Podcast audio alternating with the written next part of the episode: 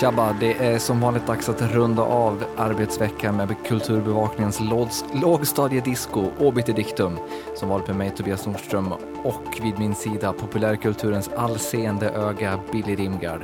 Hallå, hallå. Jag fick lite dåligt samvete efter förra veckan när vi pratade om, eh, om webbgrejer. Uh, för det, var, det kändes som att det var många, som, eller att det var ett par stycken i alla fall, som gick in och sa jag har aldrig sagt det här men tack för podcasten. Och det var liksom inte så jag menade när jag tog upp det här om att uppskattning är liksom problemet. eller bristen på uppskattning är problemet. Det var absolut inte så. Men, men tack snälla, det är fint. Det är väl en, en trevlig bieffekt om inte annat. Ja, precis. Det här, här kanske också var en på, så jag kanske bara säger sådana här saker för att liksom, ja, fiska. Nej, det gör jag absolut inte, men ja. Och den här veckan ska vi prata om regeringskrisen i Grekland. Mm, Nej, det blir spännande. Det, det ska vi inte alls. Kanske inte. Frågan är, är det sånt vi borde prata om? Vi har varit inne lite grann på det förut, att eh, kan man sitta och eh, kraxa om, eh, ja, vad ska vi säga, världsliga saker som serietidningar när det faktiskt är liksom folk som svälter och sådär? När det är skarpt läge som man ska säga. Alltså jag säger så här, Planet Money på, hos NPR, de har eh, järnkoll på vad som händer och vilka de olika eh, ländernas olika positioner är. De har ett fantastiskt avsnitt om eh, varför Tyskland eh, tycker att det är en skitdålig idé att trycka upp eh, nya euros och ge till eh, Grekland som stammar tillbaka till tiden före Hitler kom till makten. Mm. Och Det är lite, lite sån där info som man inte får i svensk media kan jag känna. Nej, och det känns som att eh, alltså, vi skulle ju bara vara patetiska lekmän om vi skulle ge oss in i sådana eh, ekonomipolitiska frågor ändå. Så att... I popkulturen så kan vi i alla fall namedroppa lite och framstå som att vi har någon koll. Precis, vi kan skjuta från höften och, och ändå träffa någorlunda. Liksom. Ja. Men eh. eh, jag har förstått att du är sjukt skeptisk till en serie som jag följer ganska aktivt faktiskt. Ja, sjukt skeptisk är nog att ta i. Eh, jag tänker på Homeland. För att, alltså å ena sidan tycker jag att det känns sjukt bra att ha en serie som är så pass eh, seriös men ändå står sig så pass bra kvalitetsmässigt. Eh, alltså en serie som vågar liksom ta ganska så här, tunga frågor. Eh, men vad jag har lite problem med tror jag är den, den politiska grunden eh, för hela serien. Den är väl inte så här, jätteideologisk men jag tycker framförallt att man använder liksom islam och religion som ett sätt liksom att, eh, ja men det, det, blir liksom som en, en, en renodlad symbol för terrorism. Mm. Eh, jag tror, vad, eh, vad heter det, eh, man, jag vet inte för er som inte har sett serien, men man får ganska snabbt reda på att den här, vi ska säga det, att den handlar alltså om en, en, en amerikansk militär som har varit tillfångatagen i flera år och helt plötsligt hittas av amerikanska trupper och tas hem. Mm. Och då är frågan om han har blivit omvänd Eh, Eh, eller inte. Och ett av avsnitten slutar med att han går ut i sitt garage och eh, ber på arabiska. Eh, och då ska vi då liksom på något sätt tänka, aha, han kanske blivit terrorist bara för att han har blivit muslim. Jag vet inte, det, det känns lite pro mer problematiskt än så för mig, för mig kan jag säga. Jo, alltså grejen är så här att visst är det att göra det enkelt för sig, samtidigt som man kan tycka att det är en väldigt så stark symbol eh, nu, det är svårt att prata om det här utan att spoila, men, men eh, eh, man, man, misstänker ju att han kanske är en terrorist helt enkelt, att mm. han har blivit omvänd på något sätt. Och jag fattar ju så här att om du har varit åtta år i någon håla, alltså om man börjar söka tro då och de som är där är eh, muslimer så är det väl klart att det är islam som man liksom vänder sig till på något vis. Eh, och jag tror att det är ett verktyg för att spela på eh, fördomen om att eh, ja, liksom, folk som står på bönemattor eh, står på knä på bönemattor, att, att säga, Åh, där är en terrorist, vilket säger, ja, jo, det fanns bara 1,2 miljarder som inte är det. typ. Eh, så jag, jag, kan tycka att användningen av eh, hans bönescener ute i garaget också är ett väldigt så, effektivt sätt att utmana fördomar, om det är dit de tar det. Om det visar sig att han faktiskt är terrorist, då blir det lite jobbigt. Och, och ja, Jo, men de använder det ju samtidigt som ett verktyg för att vi ska misstänka det på något sätt. Det, det används ju inte på, eh, på ett särskilt eh, nyanserat sätt. Jag vet, det kan vara så att jag läser in mycket för att det är eh, han 24-nissen som, eh, det är alltså han som har varit executive producer för eh, 24 som ligger bakom den här Homeland-varianten också. Så att, det kan ju vara jag som läser in en massa saker. Ja, och han var ju ganska, eh, i 24 var det ju inte direkt så här att ja, de, tecknen som användes för när minoriteter gjorde saker var inte direkt subtila. Nej. Det, finns, det, det är, där är en sak som bekymrar mig lite grann, inte bara när det gäller liksom hur, man, hur man skildrar muslimer eh, i amerikansk tv, utan även Alltså allting som går utanför någon sorts likriktning. Eh, jag tänker exempelvis på eh, i CSI så är de ju väldigt duktiga på att vara så moral har väldigt hög moral. Mm. Och ett, jag vet något avsnitt, jag kommer inte ihåg om det var CSI nu eller om det var Criminal Minds, där eh, det är ett mord som har skett på ett sånt här eh, eh partnerbytesfest. Uh, och de sitter på jävligt höga hästar när de förhör folk och bara så här, ah, du, skulle bara, du skulle bara låna ut din fru till en okänd man, ah, det var därför du var där, ja jag förstår, jag förstår. Du vet, så här, håller på och liksom, ja, ah, går till attack mot den, den uh, annorlundaheten, om det är något annorlunda. Mm. Jag kan tycka att liksom just den här den, rädslan över allting som inte är att skaffa sig en utbildning och jobba sig uppåt i karriären. Alltså, oavsett om du är så skateboardåkare eller swinger eller eh, muslim. Ehm, jag kan tycka det är lite sorgligt med vissa serier hur de så effektivt så jobbar med, med olikhet på olika sätt som något misstänksamt. Mm. Ja, men Homeland gör verkligen det. Som sagt, det kan ju komma en, eh, som du är inne på, det kan ju komma en väldigt bra hook där man eh, så här, vänder spegeln mot publiken och säger att det är vi som har varit fördomsfulla. Mm. Eh, men de, de, det, det känns samtidigt sjukt så här, eh, självmedvetet på något sätt. Jag tycker att den är snygg eh, och jag tycker ja. att den är välspelad eh, och kommer fortsätta titta. Det är en av dem, de jag följer i år. Mm, det, men det är som, som, jag, som jag sa, det är skönt med en serie som är lite på allvar känns det som. Ja, det, det du menar att Terranova inte är på allvar? Nej. Hur, hur, går det? Följer du Terranova någonting? Ja, det gör jag. Och det, är, det är lite lustigt. Jag, jag och min sambo hade en, en så snack om eh, varför vi följer Person of Interest och är så här neggiga och så här, ah, ska vi verkligen se det senaste avsnittet? Jag vet inte. Samtidigt som vi så här, kastar oss över Terranova, så här åh, nytt Terranova har gått. Um, och så här, just det här hur förväntningar eh, hur förväntningar också påverkar slutprodukten. Eh, alltså Terranova, där har vi accepterat att så här, okay, det här är en jävligt tramsig äventyrsserie som ändå så här, ger 40 minuter good times på något vis. Alltså, absolut ingen kvalitet, men lite mysigt sådär. Men är, Medans, det, är det verkligen mysigt då? Ah, det är ju dinos. Ja, jo. Jag Nej, tycker alltså, ju inte vi, Dinos är mysigt. Men, ja. ja. men vi följer den på samma sätt som vi så här, ja, men kollar på just CSI. Liksom. Mm. Det är inte så att man får någon, att man får någon slags eh, insikt om livet när man följer den. Men det, ja, det, det är ett sätt att döda en timme. Liksom. Eh, men däremot Person of Interest som ännu inte har lyft eh, är vi så negga mot, trots att den redan i nuläget så är den snyggare, eh, mer välspelad, mycket bättre intrig än Terranova. Men eftersom man har så jävla höga förväntningar på den, att kom igen nu, kom loss, kom igen, väx, eh, så blir den det serien man är neggig mot, eh, medan Terranova är en kul grej. Mm. Ja, jo, jag, jag, kommer inte kolla med, men jag förstår vad du, eh, vad du är inne på så att säga. Man behöver ha sina små sådana här saker som inte är, inte är på så stort allvar också för att orka med de här Homeland och de. Mm. De sa jag i plural utan att veta vad jag syftar på. eh, har du sett också att NASA håller på att utveckla Tractor Beam? Oj! Det, ja, det, det, det kände jag inte till. Eh, vän av ordning undrar ju direkt om det är liksom om det är en förverkligad science fiction-vision. Eh, jag tänker på det här med, det, klassiska exemplet är väl sådana här uh, automatiska skjutdörrar eh, som eh, någon uppfann efter att ha sett dem i Star Trek. Ja, Är det här precis. nästa steg? Ja, eh, det, det, får man väl säga. Eller, jag, jag, vet inte om det ens är nästa steg, det kanske är liksom hundra steg senare. Eh, det känns som att många så här, eh, vetenskapliga uppfinningar som man pratar om eh, ofta följs av en vision som någon har haft. Jag vet inte om nanoteknologi var på liksom en vetenskaplig tapet innan det drömdes upp av science fiction-författare.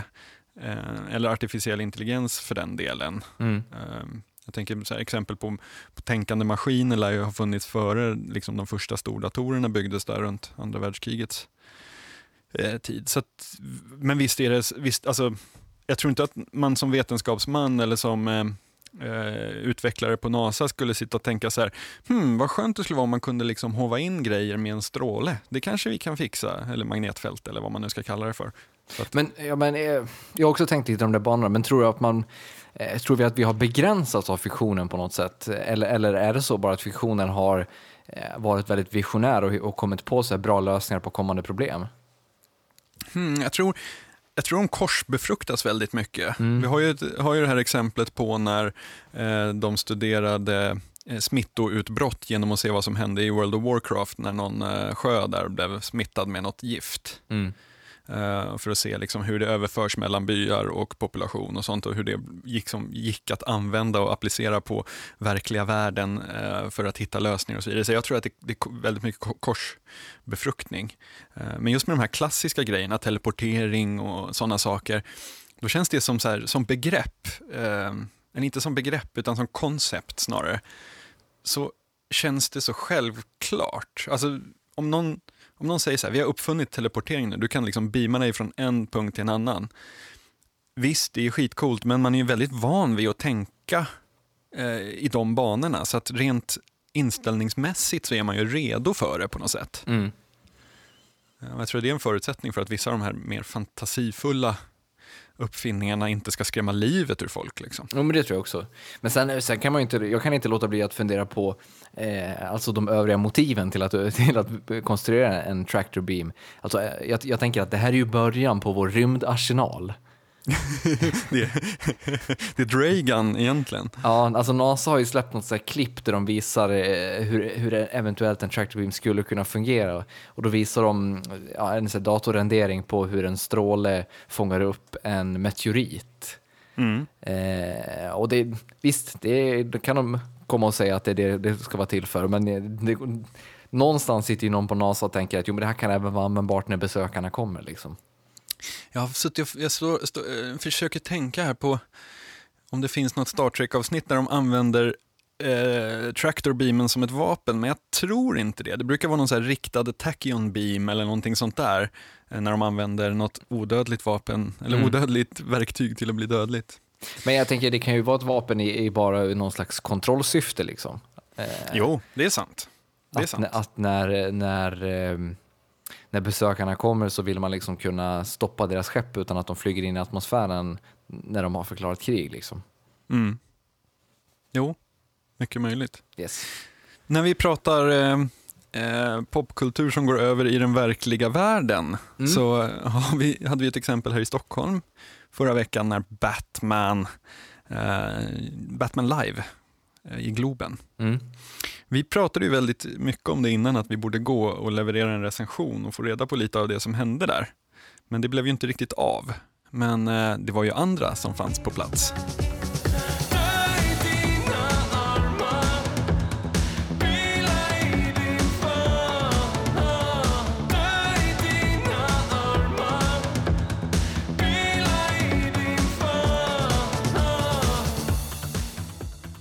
Här är senaste singeln eh, Dina armar med Monty.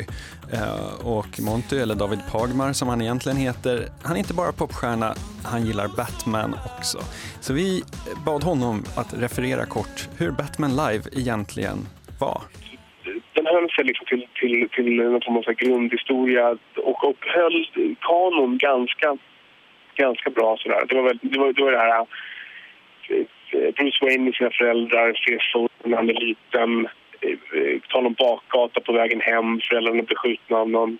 Så de berättar liksom hela, hela backstoryn också? Ja, men precis. Kort, men, men, men, men absolut. Så det, så det, det, var backstory och sen så var det... Eh, det, var, det var att han, alltså när Bruce Wayne träffar Dick Grayson och The Flying Graysons när, när Dick blir av med sina föräldrar och Dick ska bli Robin då helt enkelt. Var det någon dans undrar man ju? Det var mycket mer safe än vad jag hade egentligen tänkt mig. Alltså, de, hade, de hade ju säkerhetslinjer såklart tiden och det var en del snygga akrobatkonster och sånt där men samtidigt så var det, de, de, det, det var ganska snyggt. Det ska sägas att det var ju sjukt påkostat. Det var ju, alltså, det var ju fruktansvärt dyrt och snyggt eh, liksom rent eh, scenerimässigt. Det var David Pagmar alltså på en sprakig eh, telefonledning från Rom som berättade eh, om Batman live. Ja, påkostat och storslaget eh, och faktiskt mycket bättre än han trodde att det skulle vara. Inte så kast. Alltså, man, man, nu är man ju lite besviken att man inte gick dit nästan. Ja, jag känner samma sak. Alltså. Han, han, han berättade om något så här, um, en sekvens där, där uh, Eh, Batman blir förgiftad och hallucinerar och liksom hela bortre väggen öppnas och det blir så en stor marschtakt så med onda syntar och så kommer liksom alla bovarna marscherande ut ur väggen typ så här, när Batman hallucinerar. Då. Ja, jo, alltså, det hade ju varit kul att vara på plats, men alltså, jag kan ändå... Vi sa ju där i somras när vi pratade om det att det här är väl ändå Batman on Ice, liksom. och det är det väl på ett sätt. Eh, men det känns som att jag hade inte, inte trott att det skulle finnas ett så starkt narrativ. Liksom. Jag trodde att det Nej. mer skulle vara lite, eh, ja, men lite, lite dansnummer och lite insyn i, i eh, någon slags Batman-värld på något sätt. Ja, verkligen. Men um, här var ju hela origin-storyn, vilket var lät ambitiöst, måste ja. jag säga. Vi får väl helt enkelt åka ikapp eh, Batman live och eh, se ifall det lever upp till våra förväntningar också. Yes. Eh, men jag undrar också, det var ju halloween här eh, förra helgen. Eh, såg du Zombie Apocalypse? Nej, det gjorde jag inte. Det var ju då en, en tv-film som gick på sci-fi i USA. Det var väl deras, vad ska vi säga, huvudnummer på halloweenkvällen där. Mm. Som, som man hör på titeln då, en klassisk zombiefilm med Wing Rames i huvudrollen. Mm. Eh, och jag såg den med så feta förhoppningar för att jag tycker att Walking Dead har haft en sjukt bedrövlig start på den här säsongen. Eh, och jag hoppades därför att Zombie Apocalypse kunde liksom vara mer, eh, de, ja men vad ska vi säga, lite så här, eh, lite husmanskost i, i zombievärlden liksom. Mm. Eh, men den var jättebig. eh, Aj då. Ja, alltså den hade en hel del så här, schyssta klipp med EMP-detonationer och grejer. Eh, men samtidigt så var det ju liksom, det var, det var jättedåligt gjort. Det var väldigt dåligt skådespeleri, det var sjukt dåligt våld. Eh, och det, jag, vet inte, jag undrar lite grann, så, eh, vad, vad är egentligen bäst för zombiegenrens utveckling? Är det, ska vi ha mer av samma eller ska vi ha den här lite så lätt komiskt komiskt pajiga approachen som eh, fanns i Zombie Apocalypse och som väl även har setts i så filmer som Zombieland? Eller är det så Walking Deads melodramrecept som gäller? Alltså, eh, sci-fi-filmer har ju en tendens att bryta mot en av reglerna i vår B-films eh, cirkels lackmustest, nämligen är produktionsvärdet utstuderat lågt. Ja. Eh, de har liksom inte de fetaste budgeterna så de försöker kompensera det genom att anslå något så kult, någon kultkänsla, mm. tyvärr. Och det var väldigt påtagligt här tyckte jag i alla fall. Och vad heter den, World War Z, efter att ha läst eh, om hur den utvecklar sig så är inte peppen så stor där heller, för de, gör ju, de har ju gjort om den. Det är ju inte en efterhandsgrej. Vi, vi, vi pratade om det här eh, tidigare i år, mm. hur, hur den skulle kunna bli. Men det är ju tydligen en realtidsgrej, någon snubbe som eh, flänger runt jorden och försöker stoppa zombieutbrottet. Uh, ja, det låter väl inte jättekul, eller? Nej. nej. Men vad Faktiskt. tycker du om The Walking Dead då? Är du lika bedrövad som jag? Alltså jag är ju fortfarande fast i avsnitt fyra, säsong ett. Jag har inte sett vidare, så att, jag är säkert... Har inte vi pratat om det här förut? Jag jo, det, det, det, det, stämmer. Det stämmer nog bra. Jag vet inte, det är, jag, som jag säger alltid, jag kommer liksom fortsätta titta varje vecka, men det är fan inte roligt nu alltså. Det är din Terranova.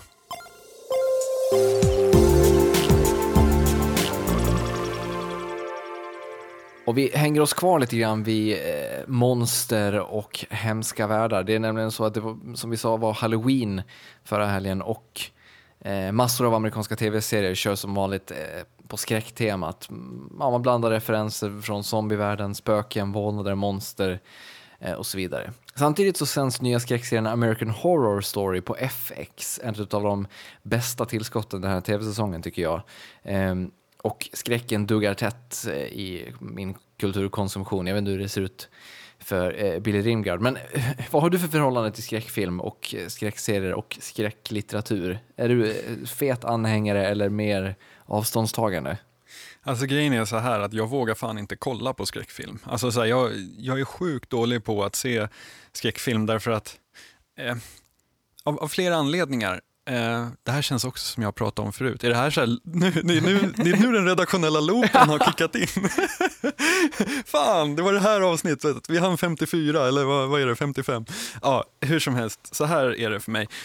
Jag älskar riktigt bra skräck. Eh, och den skräcken som jag tycker är riktigt bra, det är den som inte anspelar på liksom våra liksom, primatreaktioner. Att här, tyst, mörkt rum och sen liksom någon som får en hand på axeln samtidigt som det blir ett stråkljud och eh, ljuset tänds. Alltså, den sortens skräck tycker jag är ganska tramsig för att jag vet inte om jag intellektualiserar den för mycket, men så här, jag sitter där och är skiträdd och tycker det är så jävla obehagligt. Samtidigt som jag vet att det här är liksom designat, precis som liksom de fina stråkarna i slutet av en romantisk kom komedi, när de äntligen får kyssa varandra.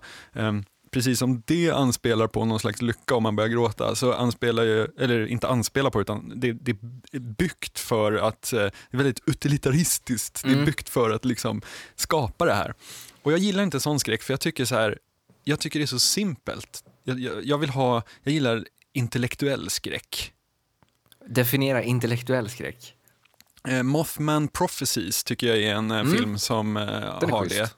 det. H.P. Lovecrafts samlade verk är ju likadant därför att de är ju ofta skrivna med någon så här knastertorr ton i efterhand i någon akademisk rapport eller som en dagboksanteckning eller något sånt där. Och det finns inte de här suspenslägena utan det blir läskigt när man börjar tänka på det, när man liksom själv bearbetar intrycken och börjar fundera så här, hmm, vad innebär det här?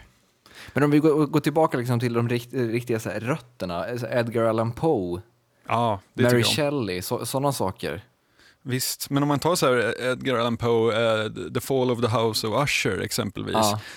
så är det ju ändå så här, själva historien finns det ju inte så mycket i som uh, som, alltså det, det är ju inte direkt som man sitter på nålar när man läser den, utan det är när man börjar fundera, shit vad har pågått i det här huset egentligen? Vad, vad, vad, vad var det här för familj och så vidare? Som, som, jag tycker att Poe går in under Lovecraft-grejen där, att det är samma, eh, jag tycker exempelvis Dracula, eh, alltså brevromanen Dracula, också är det, för det finns ju inte riktigt de här, alltså när, när Eh, Eh, Jonathan Harker skriver sina brev hem och berättar om Draculas slott, eller prins Vlads slott, så är det inte så att man bara ”Åh, hjälp!” utan det är snarare så här, okej, okay, men vad innebär det att det här finns?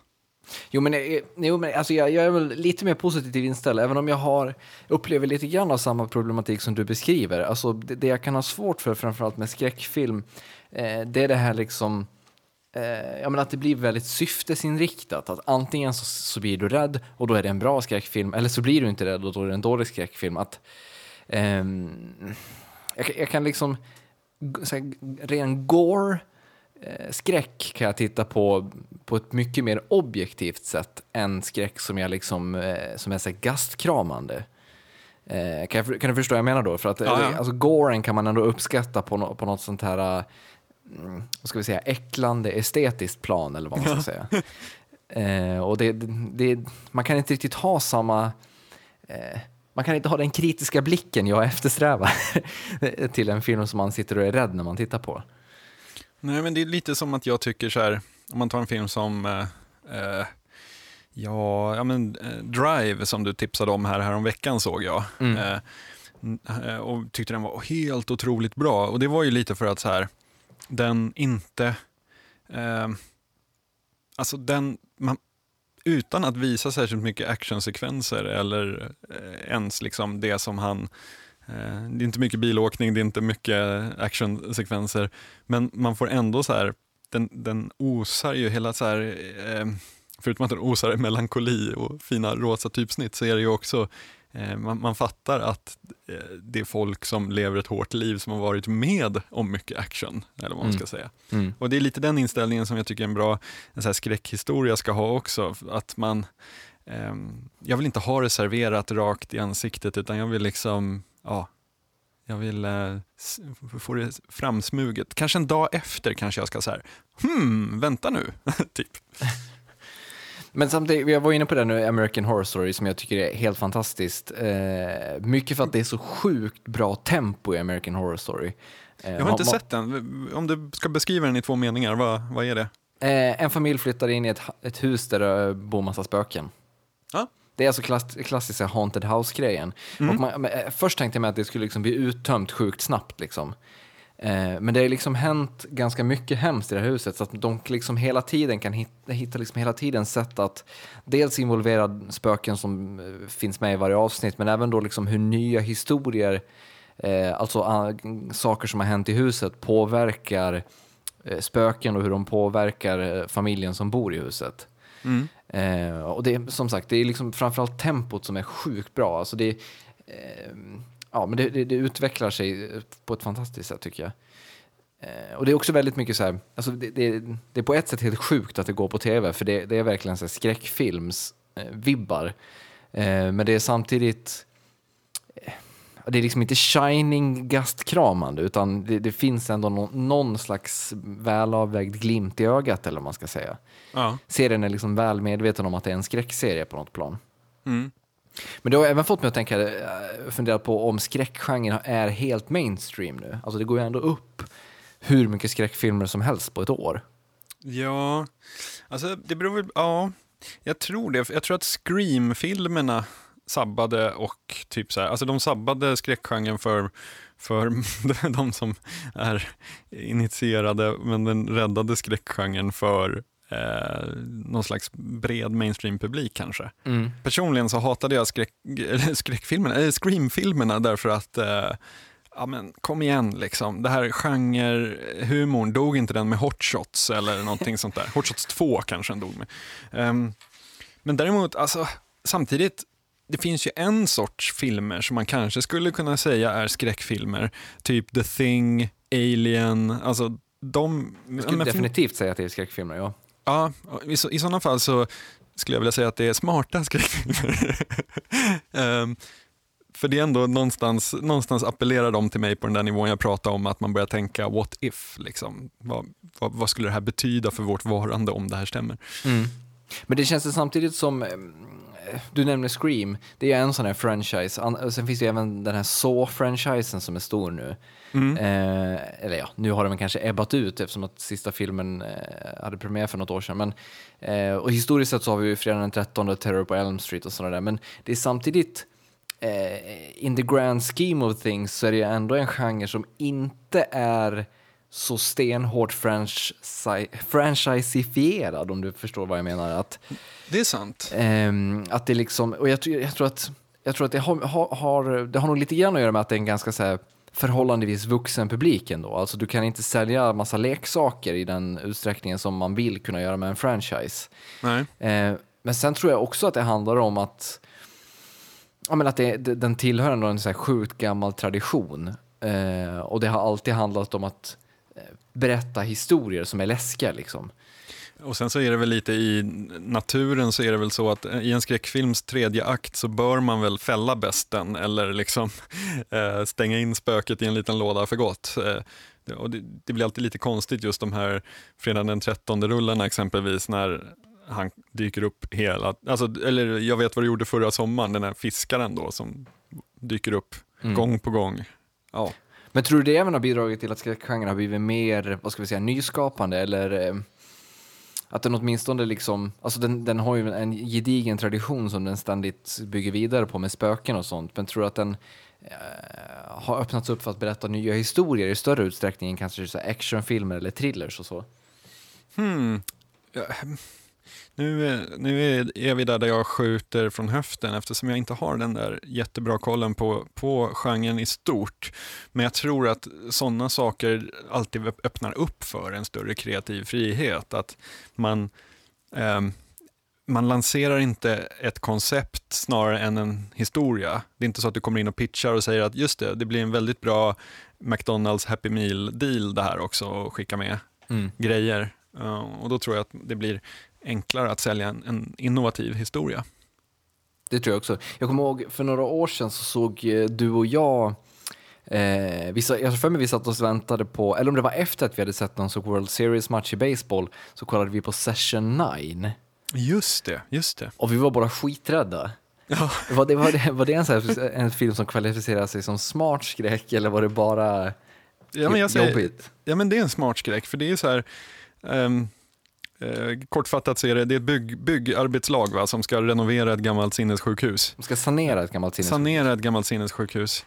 Eh, och det börjar försvinna en efter en. Uh, och en av dem, han är i en vinge, den förbjudna, uh, den förbjudna annexet eller vad man ska säga och hittar så gamla inspelningar av någon patient som var hemma. Men det är just det här, där, uh, där är det verkligen det här helt oförklarliga. Jag tänker på en annan, eh, vad heter den, The Bunker, heter den så? Om tyska soldater under allierades frammarsch som sitter så helt ensamma i en bunker. Eh, och enda, enda reträttvägen de egentligen har det är en så underjordisk gång till en annan bunker. Men den är så förseglad sedan flera år och ingen vet varför den vägen liksom är förbjuden och varför någon ja, har, har stängt ner den. Men de måste förr eller senare retirera så då börjar de liksom ta sig längre in i det här tunnelsystemet och det är jävligt obehagligt. Um, men även där så finns det någon form av um, jag skulle säga så här, alla filmer som inte använder sig av det här fake hoppa högt ögonblicket. Du vet när någon lägger en hand på axeln och man bara ah! och så är det så här the milkman som bara hej, här är din mjölk. Så här. Det är, den, det är den scenen som jag tycker sållar agnarna från vetet. Ja, jag förstår. Då, då, är, då är jag helt med på vad du menar. Jag så, en av de filmerna jag har sett på de senaste åren som var, som var sjukt läskig, det var eh, The Descent som handlar oh. om... Ett, ja, du har också sett den? Ja. Som handlar om ett gäng tjejer som är så grottdykare och sen Eh, ja, så ska de ju ja, helt enkelt vara inne i en grott, grotta men så fastnar de i den här grottan. Eh, berättar mm. inget mer än så. Eh, alltså, jag, jag, är lätt klaustrofobisk av mig vilket gjorde att eh, jag liksom bara tyckte faktumet att de var i en grotta var sjukt obehagligt. Liksom. Ja.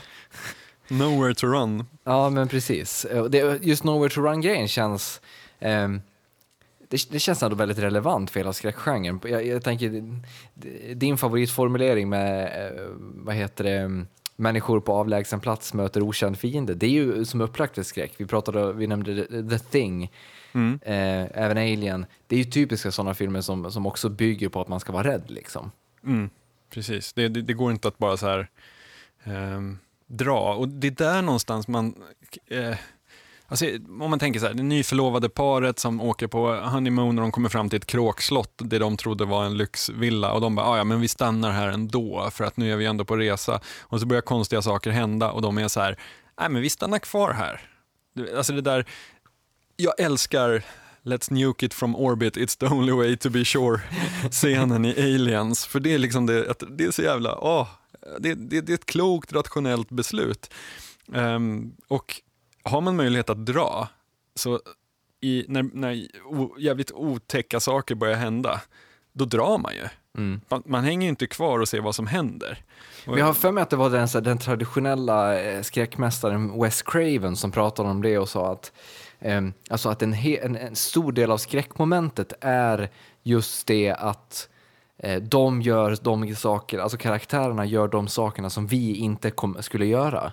Mm. Typ när, när de är vid, i en mörk gränd och de hör någonting, vad gör man då? Jo, då går man in i gränden och ska titta vad det är. Ja.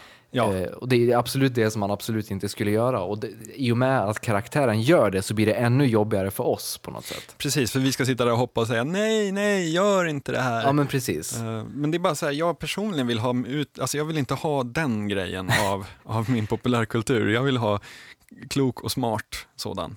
Hur det är därför jag tittar på Terranova. Ja. Hur ställer du dig för, för den här liksom, vad ska vi säga, plojversionen av skräck som har kommit de senaste åren? Då? Jag tänker på till exempel Piranha i eh, fjol var det va, som eh, gick, gick ganska bra. Um, där är det ja. liksom, där, där använder man ju skräckupplägget men samtidigt på ett ganska så här, uh, ja men plojigt sätt helt enkelt. Det är mycket silikonbrudar och Mm. Eh, man leker med klichéer på, på, på ett helt annat sätt. hur känner du inför det? Är produktionsvärdet utstuderat lågt ja, så gillar jag inte det. Ja, men... alltså, jag gillar ju Piranha-filmerna, eh, men, men grejen är så här, Piranha 1, den är ju gjord helt på allvar. Det är ja. ju liksom en seriös, en seriös film. Piranha 2 oklart om den är seriös. Pirajerna kan i alla fall flyga i den. Eh, men jag tror att den är också hyfsat seriös. Men sen då Piranha 3D var ju liksom någon slags eh, hommage till en genre eh, och liksom en, en lek med uttryck och sådana saker. Ja, jag vet inte. Det, det, det, kan, ju- det kan ju vara kul det också, men man ska akta sig för den här metagrejen Mm. i längden. Meta, meta, meta, alltså det, eh, det, det tyckte jag så här när, när Tarantino ehm, och, eh, hjälp mig, de som gjorde, ehm, Robert Rodriguez, tack, Ehm, de, de, deras filmer liksom, Grindhouse. Grindhouse-filmerna eh, var ju också en, en metagrej, en lek med uttryck och sånt, men det fanns ändå någonting där. Det fanns någon form av, man kan, man kan argumentera för att allt Tarantino har gjort eh, i sin karriär är ett lek med olika filmuttryck, givetvis. Ja, men, men jag, jag, tror, jag vill bara fl- flika in det. Jag tror att det, det, anledningen till att det funkar för dem är att de latchar med någonting bortglömt men kultförklarat på ett sätt. Det, Mm. det, det är liksom någonting som inte alla känner till. Eh, och då tror jag det funkar mycket bättre, för då görs det med någon slags annan kärlek, eller vad man ska säga. Precis, och du är något på spåren där. Eh, popkultur ska göras med kärlek. We've got a, uh, uh, we got a, a situation down here. Thermonuclear perfect new computerized world. 1,758 feet underground.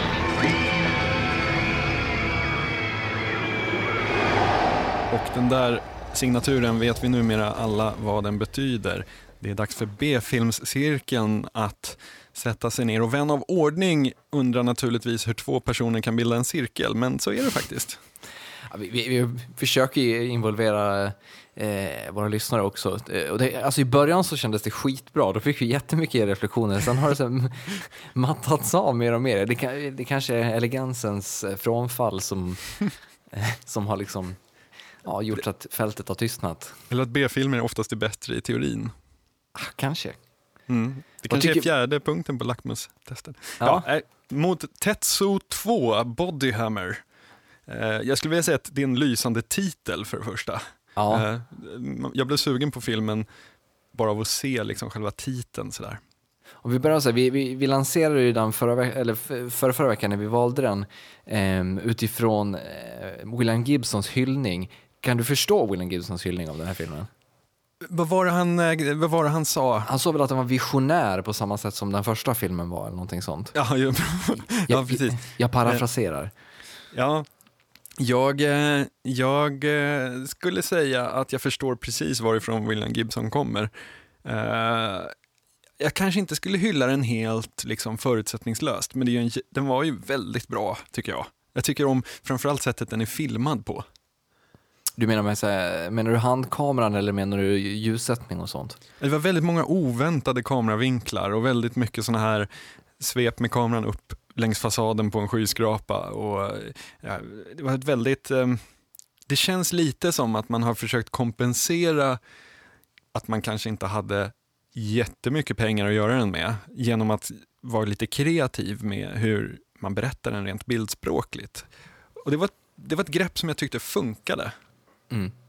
Alltså jag, tyckte, eh, jag tyckte väldigt mycket om att den hade ett ganska nästan lite, litterärt berättande eh, med de här ganska abstrakta brottstyckena som kom in emellanåt eh, som väl var mm, liksom, olika nästan så illustrationer över sinnestillstånd eller vad som hände med, eh, med han och hans kropp. Liksom. Eh, Då, fick, då liksom kunde det vara en, en sekvens på två minuter där det liksom var någon slags kaos som man klippte in olika celldelningar och massa olika saker.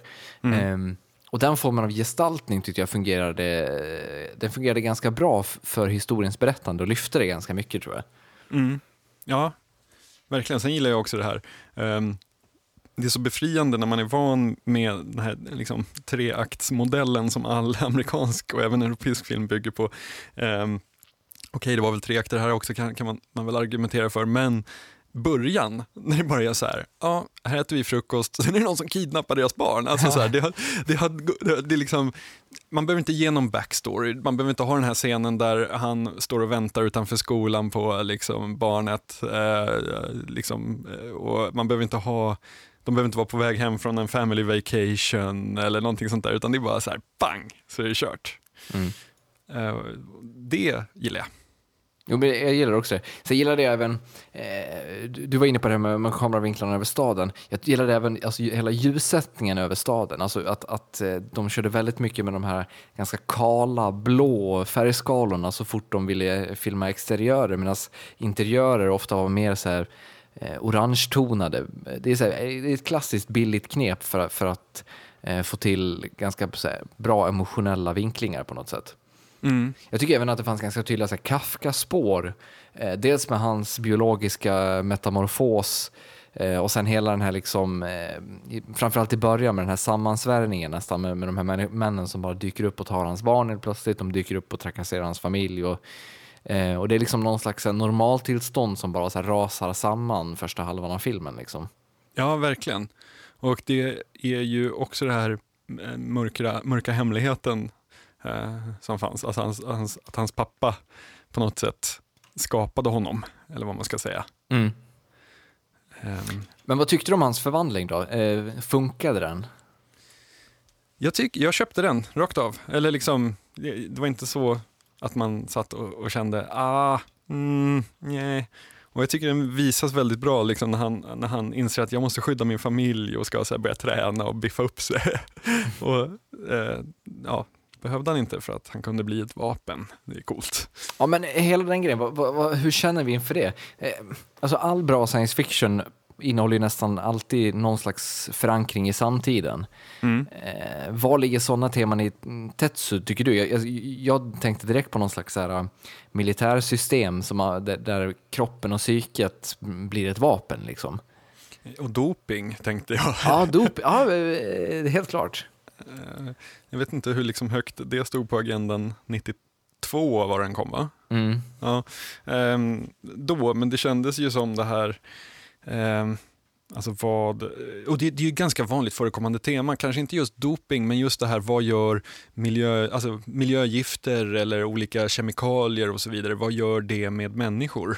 Mm. Ehm, Men en typisk sån sak som jag också tror att eh, framförallt William Gibson kanske uppskattade, det är hela den här grejen med att ja, men att de på något sätt framkallar här- den här eh, förvandlingen nästan, eh, ja men den framkallas nästan ur, ur ja, men en, någon slags ren överlevnadsinstinkt. Alltså man ändrar psyket, hur det funkar, så, så, så att det väcker instinkter som då reagerar, eller vad man ska säga.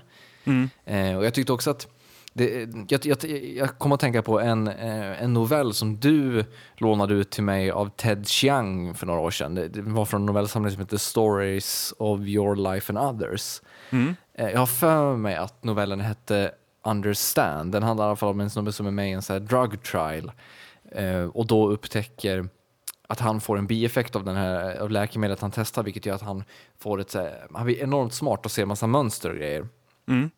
Och jag, jag, precis där som i eh, Tetsu så, Tetsu så eh, tycker jag att ja, men för, hela den här förvandlingen av kroppen växer fram på ett väldigt bra successivt sätt. Alltså det, det, det är bokstavligt talat en förvandling snarare än ett upptäckande som man ofta ser i så här andra så här superhjältefilmer och sånt. Då vaknar någon upp och så har de krafterna och sen handlar det bara om att de ska latcha och lära sig använda dem på ett sätt.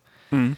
Eh, och här blir det, liksom, det, blir, det blir ännu mer påtagligt här i och med att det är liksom någon slags påtvingad förvandling. Alltså det, det är ett övergrepp som, som leder fram till det. Liksom. Det jag tänkte också på när jag såg det, det var ju just när du sa det där på överlevnadsinstinkt-grejen. Ehm, det finns ju, och jag vet, alltså det här är lite intressant, det här måste jag nästan googla sen. Jag vet inte om det här är liksom stories, eh, så här vandringssägner, eh, eller så, men, men man har ju hört om så här när traktorer välter över något barn och liksom pappan lyfter traktorn liksom för att få ut ungen. Eller att, att man i den desperata situationerna kan bygga upp enorm adrenalingrej och klara saker som man inte trodde man kunde. Eh, Så att fot, vår fotled kan lyfta ett ton om man tittar på hur muskeln är konstruerad och sen så, Mm. vi kan inte framkalla det här och nu, men så här, man kan mer än vad man tror egentligen. Och Det anspelar den här ganska hårt på, just det här traumat, eller när de här, jag vet inte vad de är för någonting riktigt, de här personerna som försöker kidnappa hans son. Jag tycker vi kan nöja oss med att säga att de är någon slags underground-rörelse. Ja. De ser jävligt hårda ut i alla fall. Mm. Men det traumat väcker liksom de här, de här eh, egenskaperna. Men om vi eh, rundar av med att göra det, det, vårt egenutvecklade lackmustest då. Eh, de, tre, de tre, vad ska vi säga, kanoniserade B-filmsfrågorna. Ja. Eh, överstiger ambitionsnivån produktionsvärdet? Jag skulle säga det. Det skulle, alltså jag, jag skulle säga definitivt. Det, filmen som sådan kopplar nästan ett Matrix-stort grepp om, nå- om någon slags värld. Eh, och har en väldigt väl förankrad eh, tematik som inte alltid omvandlas optimalt kanske till filmmedel på grund av bristande medel. Nej. Ja. Eh, eh, så det, det, det håller vi, där är vi överens definitivt. Eh, är underhållningen större än kvaliteten på filmen? Mm. Det är alltid den här abstrakta frågan som vi kör fast lite på och måste Ja. fundera. Jag tyckte ju väldigt mycket om den och ehm, gillade den så pass mycket att jag bortsåg från eh, de ibland uppenbara brister den hade. Det, jag tror att där formulerar du nästan bättre än vad frågan är. Alltså man kan bortse från bristerna eh, Ja. och ändå uppskatta filmen på något sätt. Eh, jag tyckte också det. Eh, inte för att jag tyckte att filmen var skitbra, den var... eh, Den var okej. eh, den hade en del problem, men kanske framförallt så var de problemen på, på, på själva produktionssidan snarare än konceptet eller, eller filmen. Alltså skådespeleriet var ju i och för sig inte jättebra heller, men, eh, men den var ändå sjukt ambitiös, vilket jag uppskattade väldigt mycket på något sätt. Mm. Eh, det, jag vet inte, det känns som att sådana här historier har berättats ganska mycket, men de, här, de vågar ändå göra det på en ganska bred front, eller vad man ska säga. De vågar inkorporera ganska så här, mm, teman som är ganska out there. Liksom. Och den tredje punkten då, är produktionsvärdet utstuderat lågt? Och det är det ju inte, skulle jag Absolut säga. inte. B-film all the way skulle jag säga. Ja, ja. Ja. härligt. Vi hittade en, en bra dålig film. Yes. Eller vad man ska eh, säga. eh, jag vet inte, det, det är väl nummer två. Ja, just det. Vi hade ju His Dog för några veckor sedan också som även klarade testet galant. Ja, ja, det börjar utkristallisera sig saker här. Mm. Och nästa film vi ska se, som återigen blir förskjuten på grund av att du ska till New York. Ja, det är guilt, guilty as charged. Vad är det som händer domaren? Ja. um, det blir alltså om tre veckor som vi har B-films cirkels sammanträde eh, igen. Och då tänkte jag föreslå en film som visserligen både jag och du har sett, men som är värd att se om. Och um, kanske tänka lite mer på, för jag vet inte om jag tänkte all that när jag, när jag såg den. Och det är Primer. Mm. Den gamla Sundance-favoriten Primer som eh, blandar väldigt många grepp med väldigt små medel kan vi väl säga. Mm. Eh, det, det, jag tror att det borgar för en mycket intressant diskussion. Mm. Den är ju, den är ju eh, man, man bör ha huvudet på skaft när man tittar på den. Definitivt. Så Primer om tre veckor.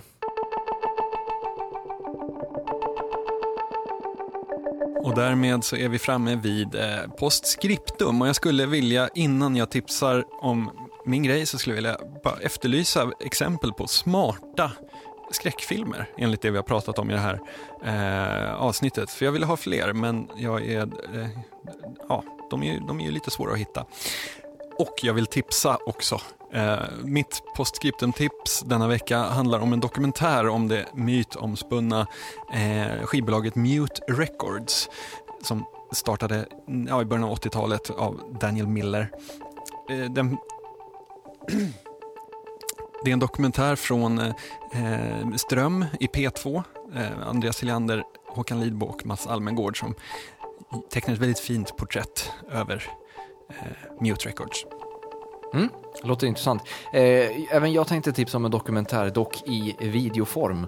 Eh, och det är dokumentären Page One Inside the New York Times. Eh, den är regisserad av Andrew Rossi eh, och kom för några månader sedan. Mycket intressant inblick i New York Times verksamhet och eh, framförallt, vad ska vi säga, den klassiska tidningens plats i ett digitalt samhälle. Eh, den är sevärd nästan bara för att titta på, eh, vad heter det, New York Times-redaktören David Carr som är eh, fantastisk, väldigt vass. Bland annat när han svansar av en eh, svansar av skaparen av Vice TV på ett väldigt snyggt sätt. Det är klart sevärt. Och därmed så är ännu ett avsnitt av Obedictum till ända. Yes, och ni är som vanligt välkomna att skicka mejl till oss på kontakt oddpod.se alternativt kommentera på vår blogg oddpod.se. Tack för oss. Tack, hej.